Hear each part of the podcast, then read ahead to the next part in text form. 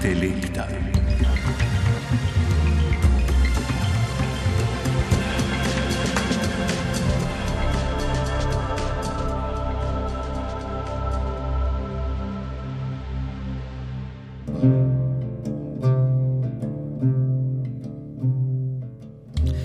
Predsednik Biden je napovedal, da se bodo do jeseni, do okrogle obletnice terorističnega napada na Newyorška dvojčka, po 20 letih okupacijske navzočnosti, torej američani in njihovi zavezniki iz NATO, naposled umaknili iz Afganistana.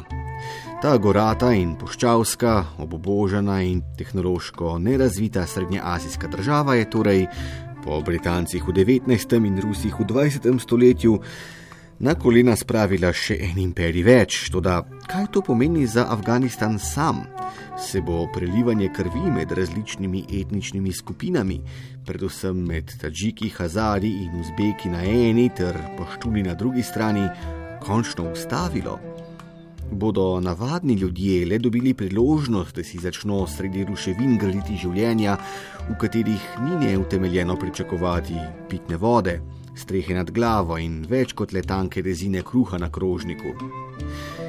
Bodo paštunski talibi po odhodu ameriške vojske ponovno vzpostavili brutalno teokracijo? Bo Afganistan ponovno postal eno žarišč mednarodnega terorizma? Se bo še ukrepila tamkajšnja pridelava opija, ki zastruplja svet? Kako se bodo po očitnem vojaškem porazu ZDA spremenila geostrateška razmerja moči v centralni Aziji, pa tudi širše? Odgovore na ta in druga sorodna vprašanja iščemo, spoštovane poslušalke in cenjeni poslušalci, v današnji intelekti, ko pred mikrofonom gostimo filozofa, raziskovalca na Inštitutu za kriminologijo pri Pravni fakulteti Univerze v Ljubljani in odličnega poznavalca razmer v Afganistanu, dr. Vasjo Badaliča, pa našega vašingtonskega dopisnika, dr. Andreja Stoparja, ter politologa, strokovnjaka za Bližnji vzhod in docenta na fakulteti za management Univerze na Primorskem, dr. Primoža Štrbenca.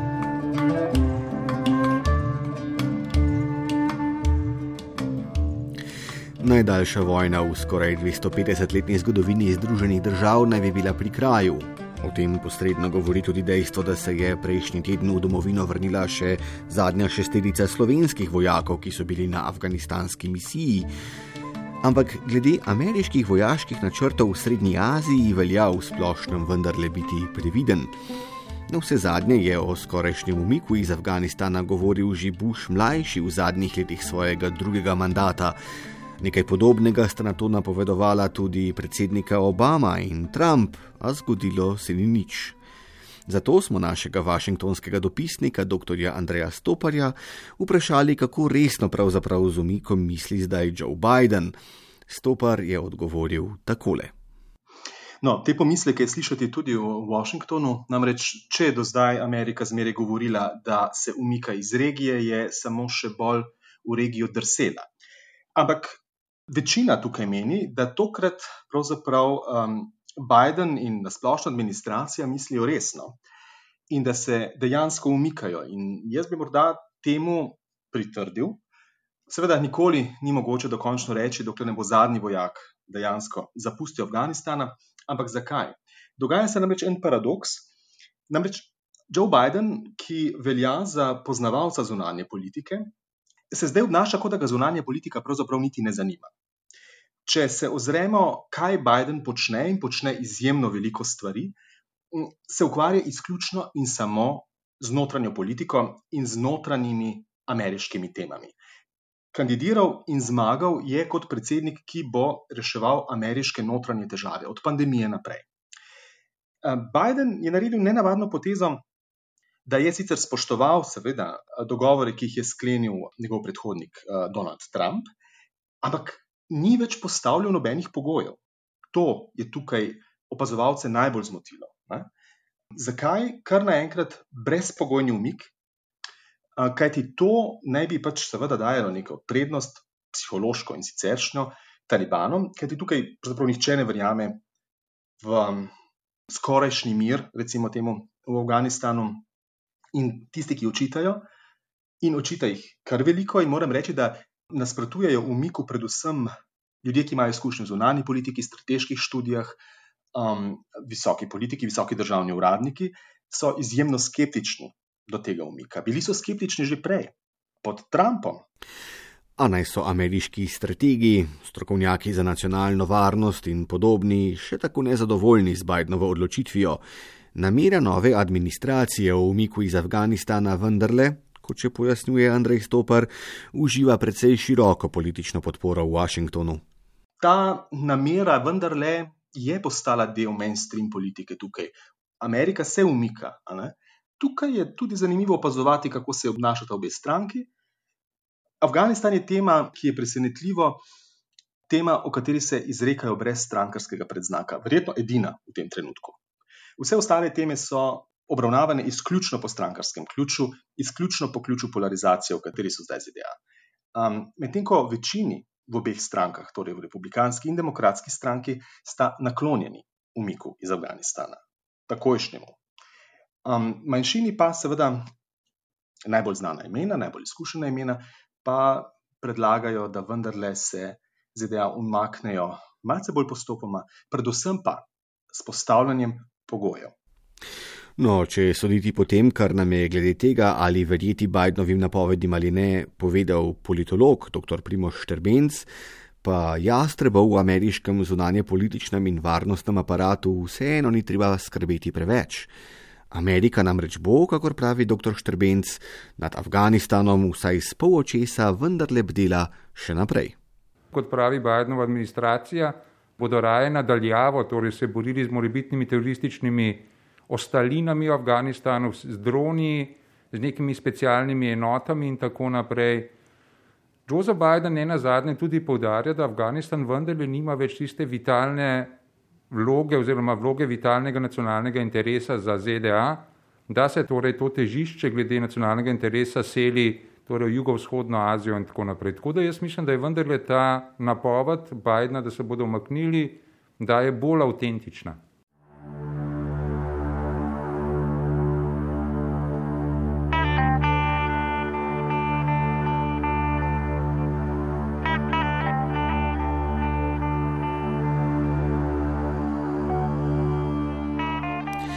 Vse torej kaže, da Združene države zdaj, ko je v kontekstu geostrateških natezanj s Kitajsko nadzor nad pomorskimi potmi ob obalah Indokine pomembnejši od preganjanja teroristov in talibov po gorah in puščavah Afganistana, z umikom mislijo kar resno.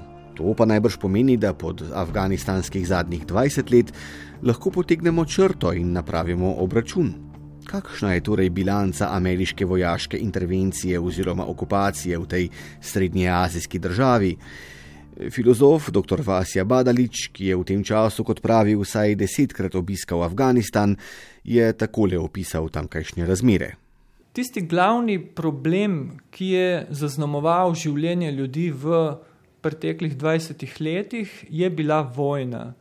In vojna je pustila za sabo posledice. Uh, ogromno civilistov je umrlo, ogromno borcev na vseh vojskojočih se straneh je umrlo.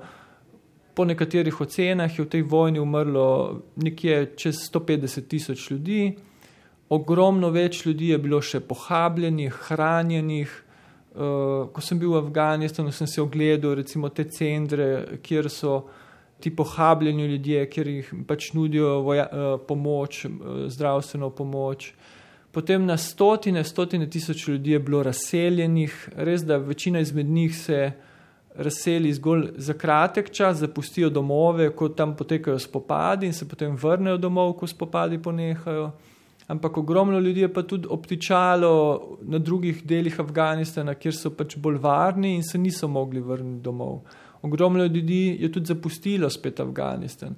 Tako da to je tisto, ne, kar je najbolj videti v Afganistanu tudi je videti ne, ta neprestan strah. Zato, ker ljudje, ki živijo na vojnem območju, jih je vse čas strah za lastna življenja, za življenja svojih otrok. Tudi, recimo, kar se žensk tiče, govori se, da so tuje sile prinesle pač boljše življenje za ženske, ampak ne smemo pozabiti, da tudi ženske umirajo v vojni, tudi ženske izgubljajo svoje najbližje v vojni Tudi ženske so razseljene, so prisiljene zapustiti svoje domove in oditi v neka šotorišča živeti, ali pa morda celo v tujino kot begunke. Tudi podatki kažejo, da so američani in različne zahodne humanitarne organizacije v teh 20 letih v Afganistan, v razvoj tamkajšnjega šolstva, zdravstva, javne uprave in infrastrukture, vendarle vložile kar precej sredstev. Kaj ni to nič izboljšalo življenjskih pogojev za navadne ljudi? Vasja Badalič odgovarja takole. Mislim, da ne moremo trditi, da so te tuje sile izboljšali življenje v Afganistanu. Res je, da so v vseh teh preteklih 20 letih tudi financirale razno razne razvojne programe, humanitarne programe, okrepile so šolstvo v Afganistanu, okrepile so zdravstvo v Afganistanu, eh, pravosodni sistem in še druge te državne, recimo, servise. Ampak problem je v tem, da čeprav so vse te nove stvari, uh, rahlo izboljšale življenje Afganistancev, kljub temu je vojna bila tisto, kar je najbolj določilo življenje ljudi. In v taki situaciji, v taki vojni situaciji, ljudje pač mislim, da ne morejo razumevati tega kot nek napredek. No.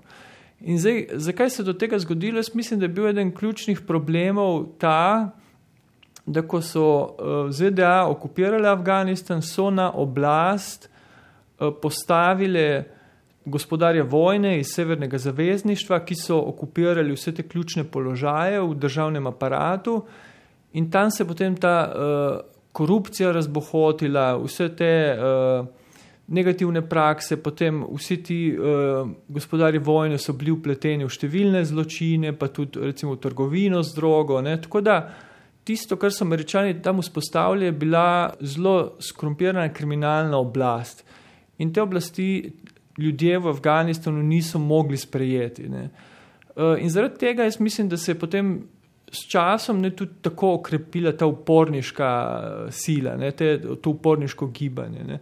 Ker videli so, da jim ta novi red ne prinaša pač nekega res resnično boljšega življenja in zaradi tega so se ljudje tudi uprli in s časom se je pokazalo, da tisti ljudje, ki se upirajo te prisotnosti tujih sil, da so to dominantna sila v državi. Ne? Talibi so se do danes vzpostavili kot dominantna politična in vojaška sila v državi. Dr. Badalič govori o tem, da je koruptivna narava režima, ki so ga vzpostavili američani, odtujila množice Afganistank in Afganistancev.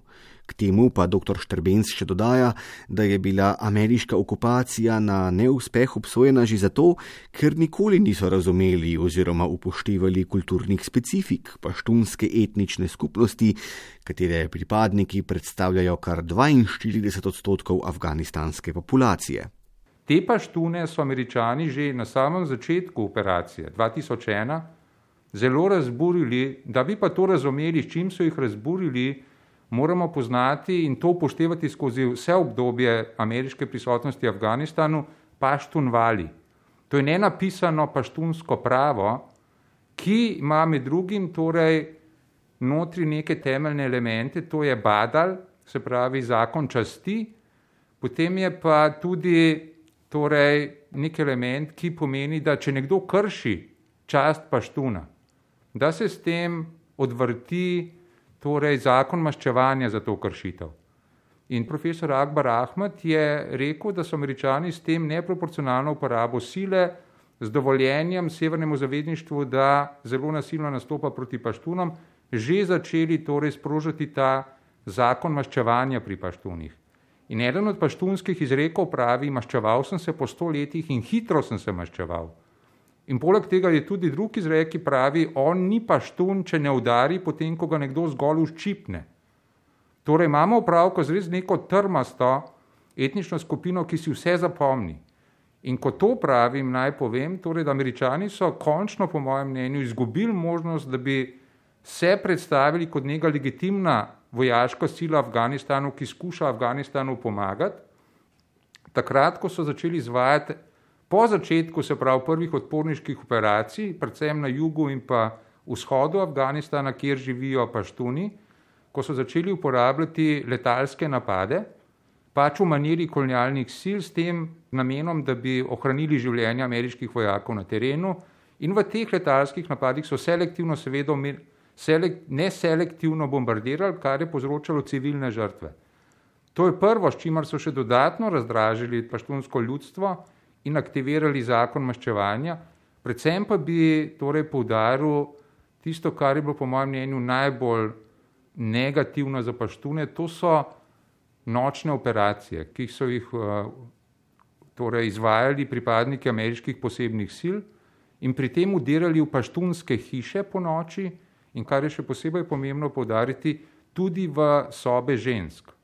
Se pravi, so kršili zasebnost paštunskih žensk. To je pa najhujša možna žalitev za paštuna po paštunvalju. Da mu nekdo žensko v njenih zasebnih sobanah torej vidi in tako naprej. Tako da od takrat naprej se je ta zakon maščevanja badal lahko zgolj odvršil do konca, kar je pomenilo, da so paštuni, te talibi, ki izhajajo iz, paštu, iz etnične skupine paštunov, torej bili odločeni izgnati američane ven, hkrati pa zrušiti tudi ta režim, ki so ga američani tako ali drugače postavili, tudi preko demokratičnega procesa. Se pravi, naprej predsednik Hamid Karzaj, zdaj pa to Ashraf Ghani.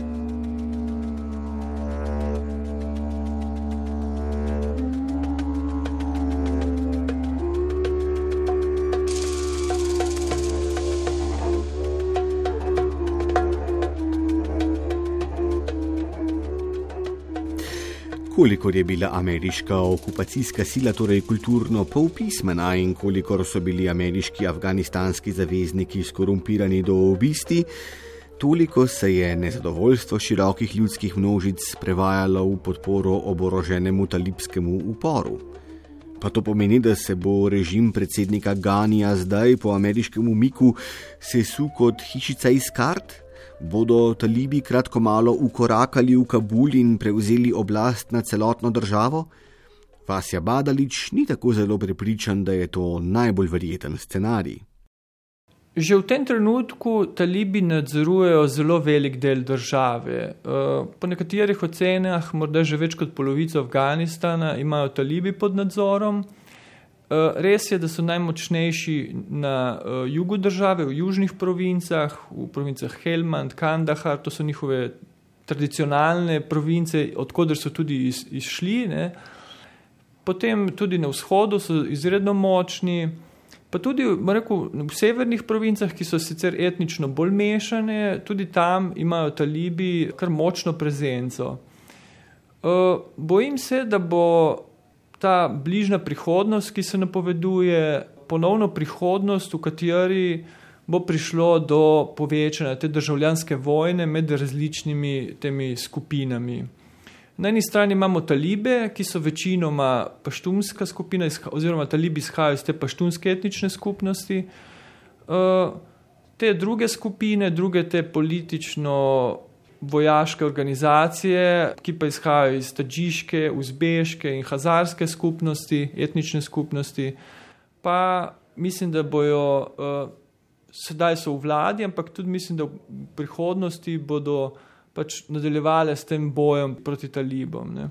Že sedaj vidimo, recimo, da tudi nekateri uh, vladni predstavniki že oborožujejo uh, tudi te paravojaške skupine, ki izhajajo iz teh etničnih skupin, iz Hazarov, Uzbekov in Stačikov. Ne. Tako da tudi to nakazuje žal neko intenziviranje te državljanske vojne ne, med temi različnimi skupinami. Mnenju, da bi se utegnila državljanska vojna v Afganistanu samo še razplamteti, pritrjuje tudi Primoš Štrbenc, ki posebej poudarja pomen, ki ga bo v tej zgodbi brščas odigral ameriški denar. Torej, naj povem, da je tle treba nujno upoštevati usporednice s sovjetskim umikom iz Afganistana februarja 1989. In Bidenova administracija seveda zavestno poudarja torej te usporednice oziroma upozarja, da ne bo naredila napak, ki naj bi jih naredila, se pravi, Sovjetska zveza pod vodstvom Mihajla Gorbačova oziroma na koncu že pod vodstvom Borisa Jelcina v bistvu. Namreč američani pravijo, mi se bomo umaknili do 11. septembra, ampak ne bomo ponovili napake, ki jo je Sovjetska zveza naredila, potem ko se je februarja 1989 umaknila, da je zgolj še tri leta financirala režim Mohameda Nadžibulaha, ki se je boril proti mujahedinom. Pravijo, da bodo še naprej financirali torej, to vlado Ašrafa Ganja in to se na prvi pogled zdi dobro. Torej, marsikdo bi rekel, no, če že grejo, bodo pa saj denar dajali tej napredni vladi, ampak to v bistvu lahko pomeni podaljševanje afganistanske državljanske vojne. Ker če bo prišlo veliko milijard Ašrafu Ganju, bo to lahko še nekaj časa vzdrževalo torej to afganistansko nacionalno armado, da se bo borila proti talibom, saj do neke mere parirala in to bo pomenilo nove žrtve.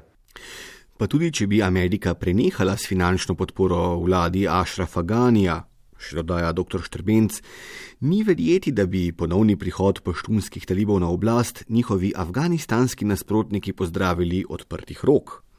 Pri tem medijskem diskurzu, da so na eni strani se pravi afganistanske vladne sile, na drugi strani pa talibi, je pozabljeno oziroma prikrito tisto, kar sem že deloma omenil, torej da se v ozadju vse čas dogaja neka medetnična državljanska vojna. Da talibi se brez izjeme rekrutirajo iz paštunske etnične skupine, medtem ko v tej afganistanski nacionalni armadi in pa sploh v vseh vladah po letu 2001 imajo izrazito neproporcionalno veliko vlogo te manjšinske skupnosti Tadžikov, Hazarov in Uzbekov, predvsem v častniškem oficirskem kadru. Tako da na neki točki bi se lahko zgodilo to, da bi afganistanska nacionalna armada kot takšna, če bi jo naprimer američani prenehali financirati, da bi začela razpadati, ampak to ne bi pomenilo, da bi popolnoma razpadla.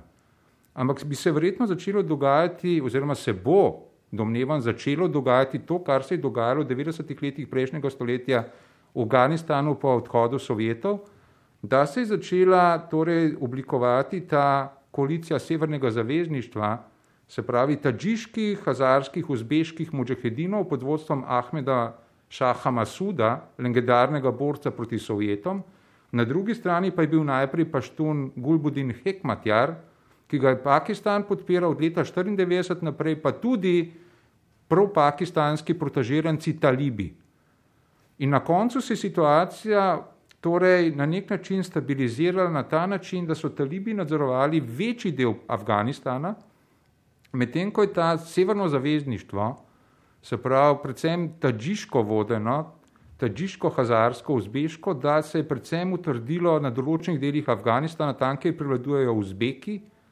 se pravi sever, severozahod, Hazari, Čeprav Hazari so tudi talibi precej torej, zdesetkali z napadi, še posebej pa pančširski tadžiki. Tadžiki, živeči v dolini Pančšir, odhodar je izhajal tudi sam Ahmed Čah Masud, to je na severo, severovzhodno od Kabula. Torej sam domnevam, da bodo šle zadeve po umiku američanov približno po tej poti. Zdaj samo vprašanje, koliko časa bodo američani financirali to vlado. Tako da dobimo na koncu, bomo dobili v najboljšem primeru, in to bi bilo zaželeno, nek medetnični status quo, ko bi talibi res zavladali večjemu delu Afganistana, medtem ko posamezne dele bi pa te manjšinske skupnosti obladovali.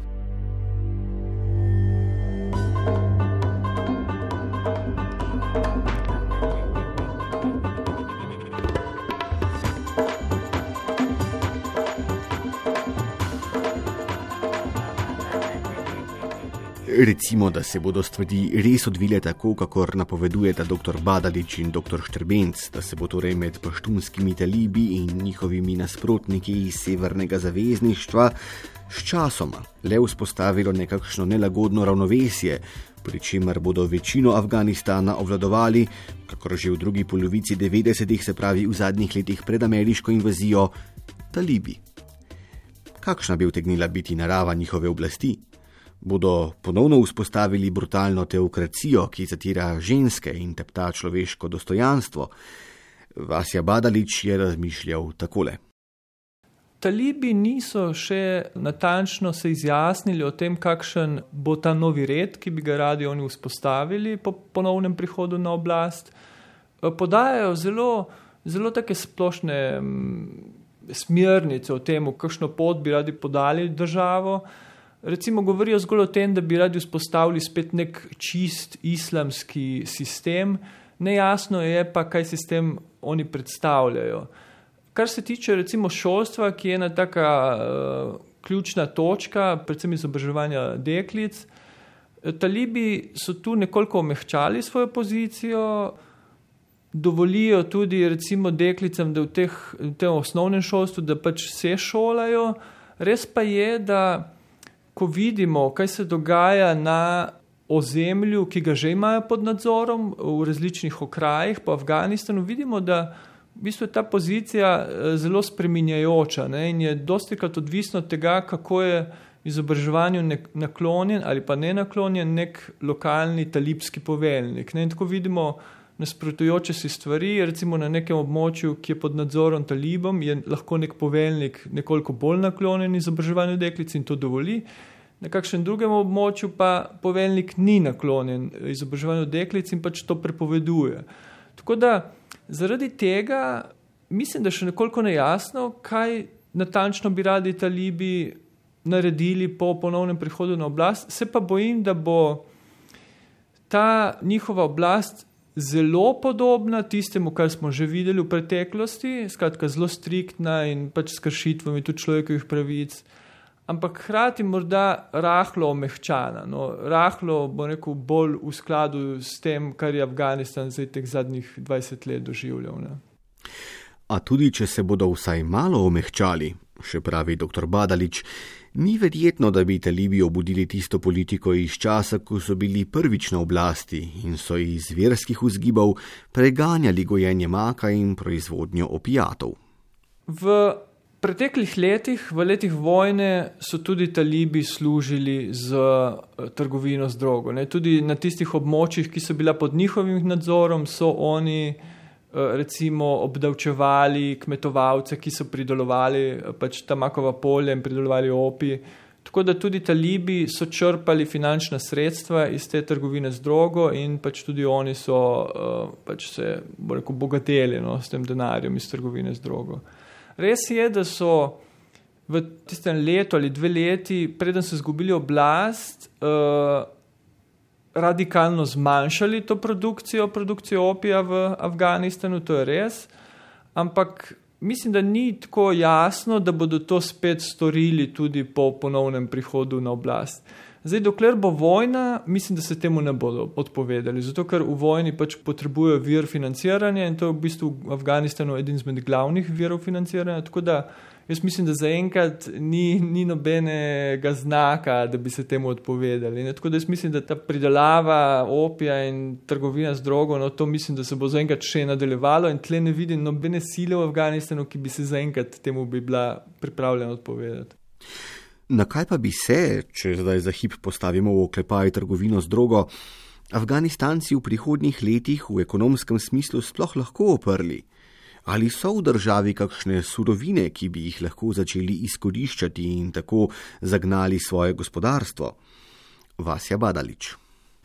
Ja, Afganistan uh, je v zelo veliki meri tudi še vedno poljedelska država, se zanaša pač na poljedelstvo. Uh, Imajo pa ogromno rudnin. Eh, ko so bili američani v teh letih tam, so analizirali celotno to afganistansko območje in so ugotovili, da imajo ogromno rudnin, razno raznih rudnin, ki bi jih lahko črpali, ampak eh, v bistvu zelo malo teh razvojnih projektov se je uresničilo.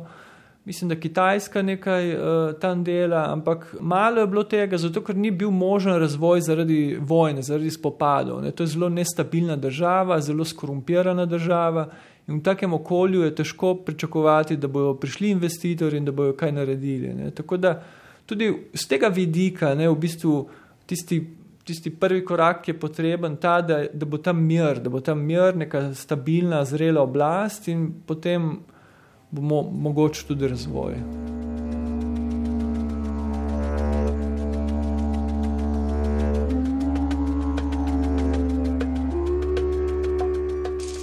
Vasja Badalič govori o pomankanju investicij v afganistansko gospodarstvo in omenja, da so si vlagati tja doslej upali le Kitajci, pa še to v le omejenem obsegu. A Primoš Štrbenc opozarja, da to še zdaleč ne pomeni, da bo Kitajska zdaj povečala svojo navzočnost v nesrečni srednjeazijski državi. Kakor namreč pojasnjuje, je v odnosih med Pekingom in talibskim gibanjem, ki so bili dolgo dovolj zgledni, v zadnjih časih vzniknilo precej napetosti, ki bi se v naslednjih letih utegnile k večjemu zaostriti. Poleg ZDA bo nemara tudi Ljudska republika Kitajska začela zmeraj bolj povdarjati, da bi se v Afganistanu pod dominantno vladavino talibov lahko začele buditi neke teroristične tendence. To je zanimivo, ker Ljudska republika Kitajska je torej vse od leta 2001 poudarjala, da je treba talibe nujno vključiti v vsakršen mirovni dogovor. Seveda to je treba nekoliko pojasniti to. Ljudska republika Kitajska je tradicionalna zaveznica Pakistana, Pakistan pa je tradicionalni zaveznik talibov in jih je tudi postavil na noge. In tako je tudi Kitajska razmišljala o tem, da so talibi njen zaveznik. Vendarle pa Peking v zadnjem času seveda, po mojem mnenju, zelo pravilno spoznava, da se ta enačba ne izide več, kajti talibi kot muslimani, ki jim je mar za druge muslimane po svetu, seveda zelo, zelo negativno gledajo na kitajsko ravnanje z turškimi muslimanskimi ujguri v Xinjiangu. Na postavljanje torej prevzgojnih koncentracijskih taborišč, na sužensko delo, na prisilno sterilizacijo izgurskih žensk in talibi ne bodo tukaj torej mirovali. In Afganistan ima 90 km mejo z Ljudsko republiko Kitajsko in tle lahko, če se res začne prihajati orožje, borci in tako naprej.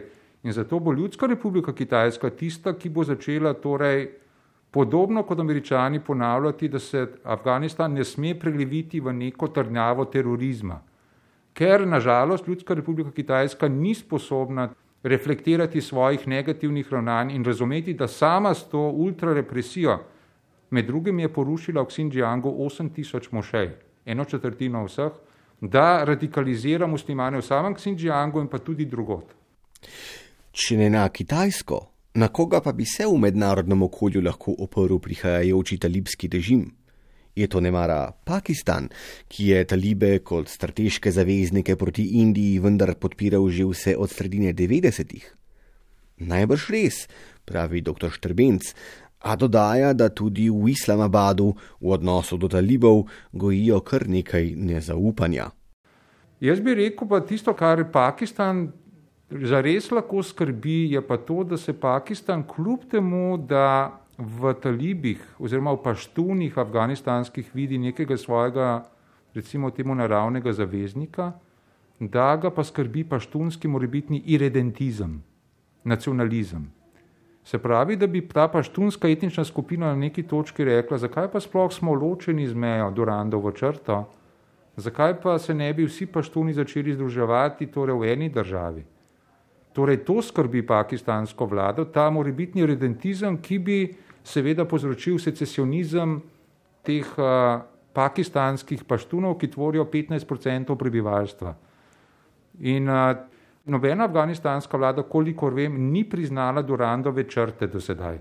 Tako da ta možnost je vse čas v zraku, se pravi, Pakistan mora res voditi neko zelo, zelo kompleksno politiko, ki ima pluse in minuse. Tako torej na naraščajočo moč talibov gledajo v ključnih dveh sosednjih državah, na Kitajskem in v Pakistanu. Torej. Kako pa na razvoj dogodkov v Afganistanu gledajo v Moskvi, ki se je, kot vemo, v tej srednjeazijski državi pred 30 leti sicer grdo opekla, a tam vendarle ni scela brez vpliva ali lastnih interesov? Primoš Štrbenc. Torej, jaz bi rekel, da da Rusija se verjetno nekoliko ambivalentno počuti. Po eni strani tudi Rusiji seveda ustreza, da se američani umikajo iz Afganistana, v smislu, da Rusijo je motila tudi ameriška prisotnost v Srednji Aziji, podobno kot Ljudsko republiko Kitajsko. Po drugi strani je pa, torej moramo pa vendarle upoštevati dejstvo, da talibi nikoli niso bili proruski akter. Ampak nasprotno, torej, da so Rusi skupaj z Indijo in pa Iranom podpirali severno zavezništvo, se pravi zavezništvo najprej Tadžikov, potem pa Hazarov in Uzbekov. Tako da zelo verjetno, da Rusija v Afganistanu vidi, da ne bo imela največjega vpliva, ker največji vpliv vendarle bo imel Pakistan preko talibov, ampak se bo njen vpliv torej izrazil preko pomoči temu nekdanjemu severnemu zavezništvu oziroma tej tadžiško-hazarsko-uzbeški navezi skupaj z Iranom in Indijo. Uh, Rusija po drugi strani seveda, čeprav se z Ljudsko republiko Kitajsko brati vse čas in tako naprej, pa po mojem mnenju, da tudi v Kitajski v nekem srednjeročnem, dolgoročnem obdobju vidi določenega, se pravi, najmanj, kar je mogoče reči, konkurenta oziroma celo neko grožno, celo ozemeljsko in tako naprej. Tako da tudi v tem smislu Rusi gledajo, kaj Ljudska republika Kitajska dela. Omenil sem že, da se Kitajci zavedajo, da bi njihova postavitev vojaškega oporišča v Afganistanu torej razjezila Rusijo. Tako da je pa to vse ena taka zelo, zelo kompleksna geopolitična igra, v katero morajo vsi akteri misliti na marsikaj. Ko pravim, da Rusijo skrbi Ljudska republika Kitajska, lahko po drugi strani dodam, da je pa mnogo tistega, kar združuje Kitajsko in Rusijo. Se pravi, da Rusija in Kitajska sta komplementarni pri vprašanju energije, da Rusija mora nekomu prodajati torej nafto in zemljski plin. LR Kitajska je zelo zainteresirana za to, da dobita nafto in plin od Rusije, da ne bi prihajal zgolj čez Malajsko užino dol, renljivo, ki jo lahko američani zaprejo. Kitajska hoče tudi odprte plovne poti preko arktičnih poti in tako naprej. Skratka, vsta kompleksen blog je v igri, ko govorimo torej o kontekstu Afganistana.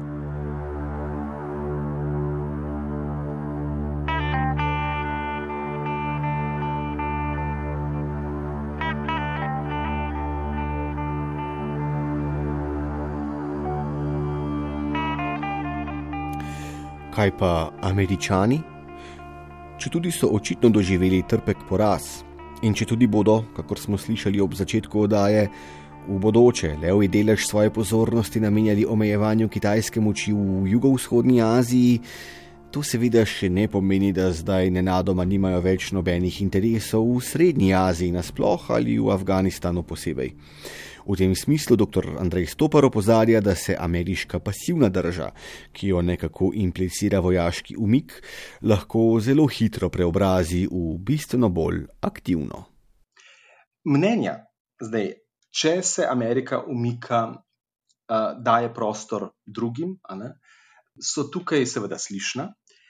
Libertarijanci bi vam rekli, pa naj, ne, izvolite, naj, če že silijo v težave, naj do grla zdrsnejo vanje in mi jih bomo pa gledali.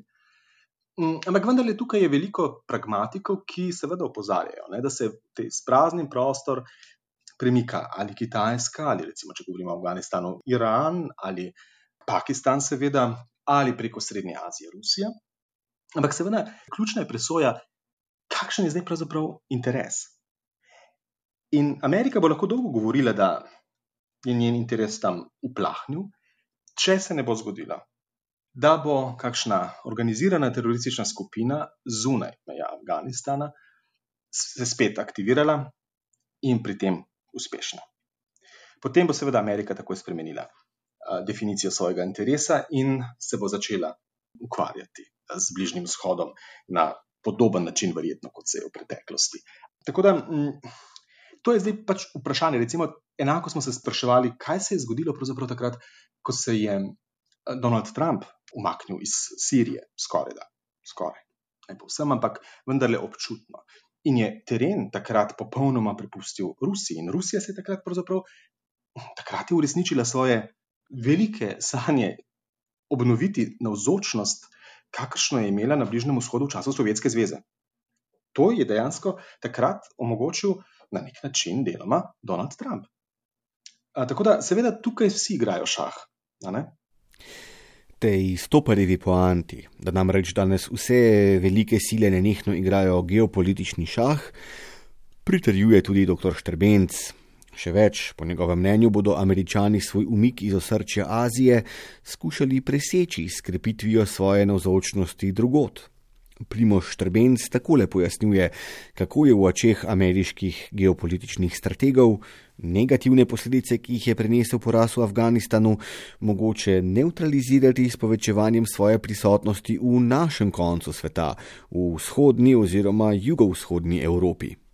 Od Obame naprej seveda je ZDA začela govoriti o tem, da se je pivo, to sišče, začelo prevešati v jugovzhodno Azijo. Se pravi, tja, kjer obstaja nek prostor azijsko, torej pacifiško-azijski, v katerem tekmujejo z Ljudsko republiko Kitajsko. Po drugi strani pa, ko gre za Srednjo Azijo, bi jaz rekel, da američani zmeraj bolj očitno sledijo na svetom najbolj eminentnega geopolitika v zgodovini, to je Sir Halford Mackinder, ki je že na začetku 20. stoletja se pravi govoril o Evraziji kot osišču, kot središču svetovne politike.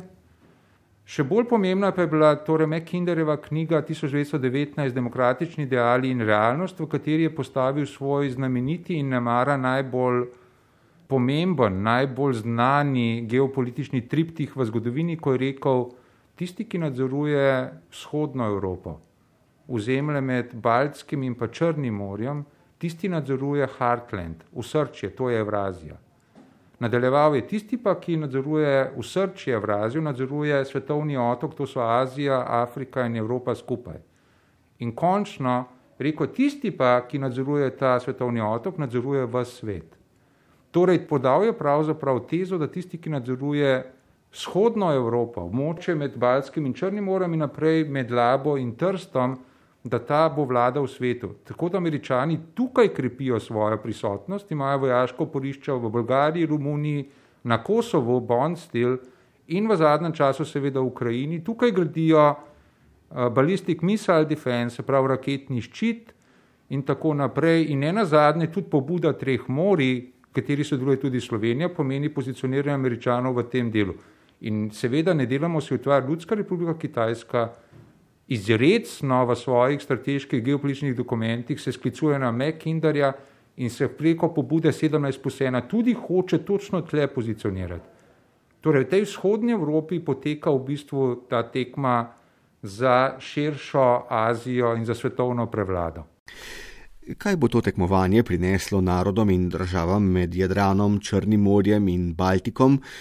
Bomo menda še videli, za zdaj pa se kaže samo vprašati, kaj bo z Afganistanom. Kakšen bi bil najboljši možni izid vsega tega geostrateškega šahiranja za tamkajšnje ljudi, ki pravzaprav že vse od sovjetske invazije konec 70-ih let prejšnjega stoletja brez prestanka živijo sredi vojnih razmer. Vasja Badalič je razmišljal takole. Če bi bila možna neka idealna rešitev, potem bi ta rešitev bila ta, da se vse te različne skupine v Afganistanu, te različne politične organizacije, te različne vojaške organizacije, te različne vojskojoče se strani usedejo skupaj za mizo in se dogovorijo za to, kakšno oblast želijo imeti, kakšen sistem želijo imeti in pač živeti skupaj v miru. To naj bi se v teh mirovnih pogajanjih, ki jih trenutno imajo, tudi zgodilo. Ne? Takšen je načrt, takšen načrt so tudi američani postavili, ampak žal se zaenkrat od tega nič ni uresničilo. Že lansko jesen so talibi in pa afganistanska vlada začeli s pogajanji, ampak do danes se praktično nič niso dogovorili in vsta čas so spopadi potekali naprej. Tako da se bojim, da je prihodnost zelo mračna. Ne? Mislim, da do tega sporazuma ne bo prišlo. Zaenkrat kaže, da ne, zaenkrat res kaže, da ne. Niso se dogovorili o tem, recimo, kakšen sistem želijo imeti. Talibi pravijo, da bi radi nekoliko bolj islamski sistem, pravi islamski sistem in da so potrebne spremembe v ustavi, ampak tu ni bilo še nič dogovorjenega. Potem nejasno je o tem, kako naj bi reorganizirali uh, varnostne sile, ali se bodo talibi vključili v državo, v varnostne sile, v policijo, v vojsko, ali ne, ali bodo še naprej ločeno obstajali. Ne. Tudi tu ni bilo doseženega nobenega dogovora. In dokler niso take stvari razrešene, eh, očitno kaže, da ne bo prišlo do dogovora, očitno kaže, da se bodo spopadi nadaljevali. Tako da se bojim, ne, da tisto, kar je najpomembnejše, da bi se vse te vojskojoče se strani dogovorile, da pač to žal zaenkrat še ne bo mogoče. No, in zaradi tega bo se vojna tudi nadaljevala. Vse torej kaže, da bi na vprašanje, kvo vadis Afganistan, lahko odgovorili z žalostno parafrazo naslova znamenitega Remarkovega protivojnega romana: Na vzhodu nič novega. thank you